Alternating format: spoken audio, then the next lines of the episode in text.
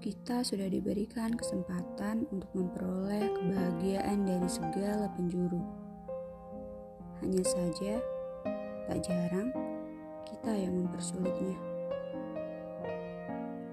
Manusia hanya diperintahkan berusaha sebaik mungkin, mengambil pilihan-pilihan baik dan benar di antara berjuta pilihan pun tuntunan telah ia berikan kepada kita hambanya.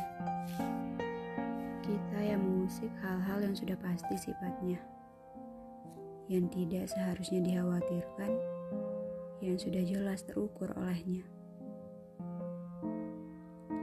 Terlampau khawatir, banyak dari kita yang terlampau khawatir atas segala hal dalam hidup yang sebenarnya sudah diatur olehnya. Jika saja keimanan itu mendarah daging dan terpatri dalam jiwa serta diperbarui di tiap hembusan nafas, maka tidak akan ada yang namanya ketakutan-ketakutan, kegelisahan, kekhawatiran atas masa depan. Hidup kita tenang, sebab kita telah berprasangka baik, dan begitulah Allah mengembalikannya kepada kita sesuai prasangka hambanya. Hidup, mati, jodoh, rezeki telah ditentukan. Tidak kurang, tidak lebih, insya Allah. Pun masalah diberikan untuk meningkatkan kedudukan insan. Hadapi dengan penuh kesabaran dan ambil banyak pelajaran. Siapkan cintamu sebesar-besarnya padanya. Sebab besarnya cintamu akan sebanding dengan ridhonya. Tentunya cintamu dibuktikan dengan tingkat ketakwaanmu, keimananmu. Ketika Sang Maha Cinta meridhoi, tak ada secuil pun masalah yang tidak dapat diterima dengan lapang akan ada kekecewaan terbesit atas pemberian Sang Maha Cinta. Percayalah, semua telah terukur.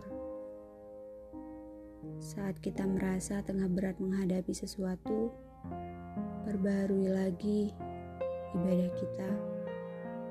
Jangan-jangan yang selama ini sudah terlalu hambar sebab terbiasa. Jangan-jangan kita belum benar-benar beriman hingga muncul keraguan bahwa diri mampu melewatinya.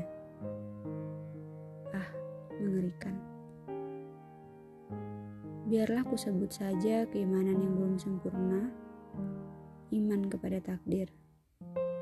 Percaya, yakin, lakukan.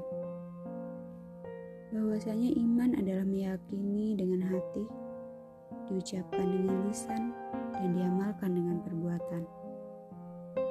Lalu, bagian mana yang terasa menyulitkan? Rasakan, hayati setiap ujian yang ada. Kira-kira bagian mana yang ingin ia ajarkan kepada kita?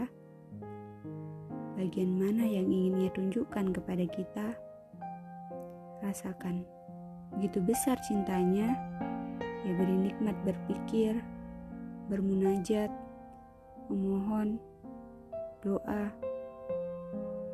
Hmm, solusinya sudah sangat jelas. Kita hanya perlu beriman dengan benar untuk dapat menjalani hidup.